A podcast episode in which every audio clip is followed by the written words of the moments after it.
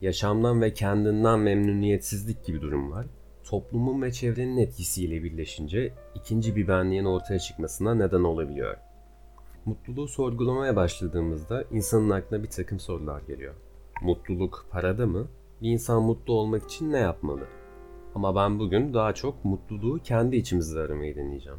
Ve sorum da şu. Ben aslında kimim? Çıktığı andan itibaren büyük tartışmalar yaratan Öteki kitabı ve bunun uyarlaması olan The Double filmi birçok konuya eleştiri getirmekte. Ele aldıkları arasında tüketim kültürü, maskülenlik ve insanların beğenilme arzusu gibi konular bulunmakta. Ve bu podcast'in konusu minimalizm, Dostoyevski'nin öteki eseri ve tüketim alışkanlıklarımız olacak. 1846 yılında satışa sunulan bu hikayede ana karakterimiz Bay Golyed'in bir devlet dairesinde memur olarak çalışan bakımlı bir adamdır. Gösterişli kıyafetler giyer, en pahalı parfümleri kullanır. Bay Golyed'in aslında şizofreni hastası bir karakterdir. Sağlıklı düşünceye sahip olmadığını anlamak kolay olsa da etrafındaki insanlar tarafından sürekli dışlanır. Kendini kabul ettirme çabası içerisine giren karakter tüm çabalarına rağmen her seferinde hüsrana uğrar. Ve bu eserde ilk durmamız gereken kısım Golyedin'in sahip olduğu bir durum. İmaj takıntısı. Golyedin yüksek zümredeki insanların arasına katılabilmek için her seferinde toplumsal konumunu daha yüksek gösterme çabasındadır.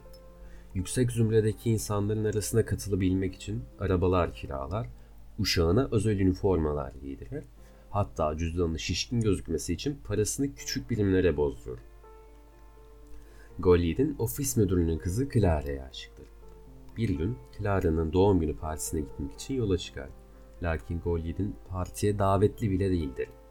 Evin arka tarafında kullanılmayan eşyaların olduğu bir bölümde küçük bir pencereden partide yiyip içen eğlenen insanları izler. Hava çok soğuktur. Eve dönmek istese de kendini bir türlü harekete geçiremez. Tabi bizim Golyed'in durur mu? Hemen aklından bir fikir geçer tüm misafirlerin yan odada bulunduğu bir anda yemek odasından partiye gizlice girmeyi planlar. İnsanların içine normal bir şekilde karışıp Clara'yı etkilemek istese de yaptığı birkaç uygunsuz harekette bulunması sonucunda partiden sürüklenip kapı dışarı edilir.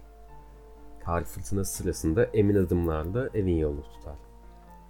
Karakterimiz kendini yüksek bir zümreden insanmış gibi göstermeye o kadar odaklanmıştır ki bu durum onu kendi benliğinden koparmış ve mutsuz bir insana dönüştürmüştür.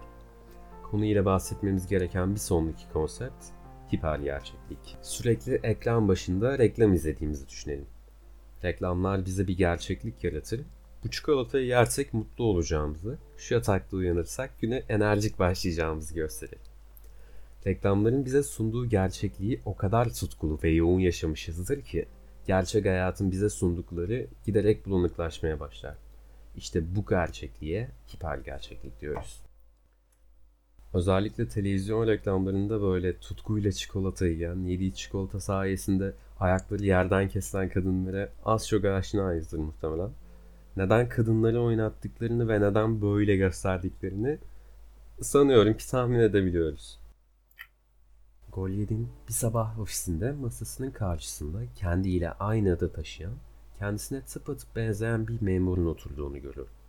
Bu onun ikizi, kendisinin öteki benliğidir.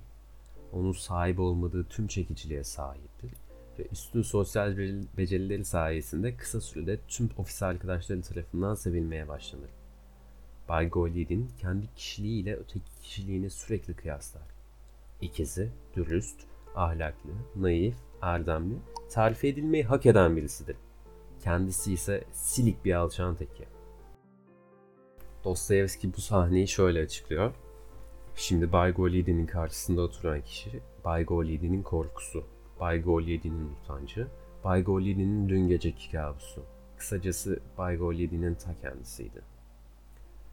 Bazı sahneleri anlamakta zorlansak da bu hikaye özünde çok sağlam bir kültür eleştirisi Hikayenin sonuna doğru Golyed'in kendisinin birçok kopyasını görmeye, baş görmeye başlamasıyla psikotik bir kriz geçirir ve doktoru tarafından deli hastanesine götürülmesi sonucunda hikaye biter.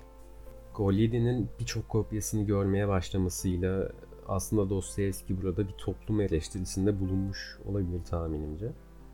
Golyedin'in ikizinin kendisine tıpatıp benzemesine rağmen diğer insanlar tarafından sevilme sebebini eser ucu açık bırakıyor.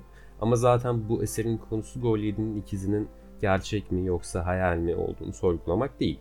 Bu eserin bize göstermeye çalıştığı şey bir üst modelini yaratma uğruna Golyedin'in kendi benliğinden kopması, memnuniyetsiz olması ve ikinci bir yüzünü oluşturması. Aslında ilk bölüm için böyle bir konu seçme fikri aklımda yoktu. Ama toplum içinde tüketim alışkanlıklarımızın, minimalizmin çok az konuşulduğunu görüyorum. Yani hani Golyedin kafasını kaldırıyor ve kendinin birçok kopyasını görüyor ya. Gerçekten kafamız kaldırdığımız zaman herkes toplum içinde birini etkilemeye çalışıyor ama kimin kim olduğu belli değil. O yüzden açılışı böyle bir konuyla yaptım. Biraz da aceleye geldi aslında çünkü bugün 2, Tem 2 Şubat 2022 yani 2 02 2022 böyle ikilerin dizildiği bir gün. Özel olmasını istedim o yüzden bu podcast'i bugün yayınlayacağım bu tarihte. Bölümü Platon'un bir sözüyle kapatmak istiyorum. Önemli olan çok şeye sahip olmak değil, en az şeye ihtiyaç duymaktır demişti Platon.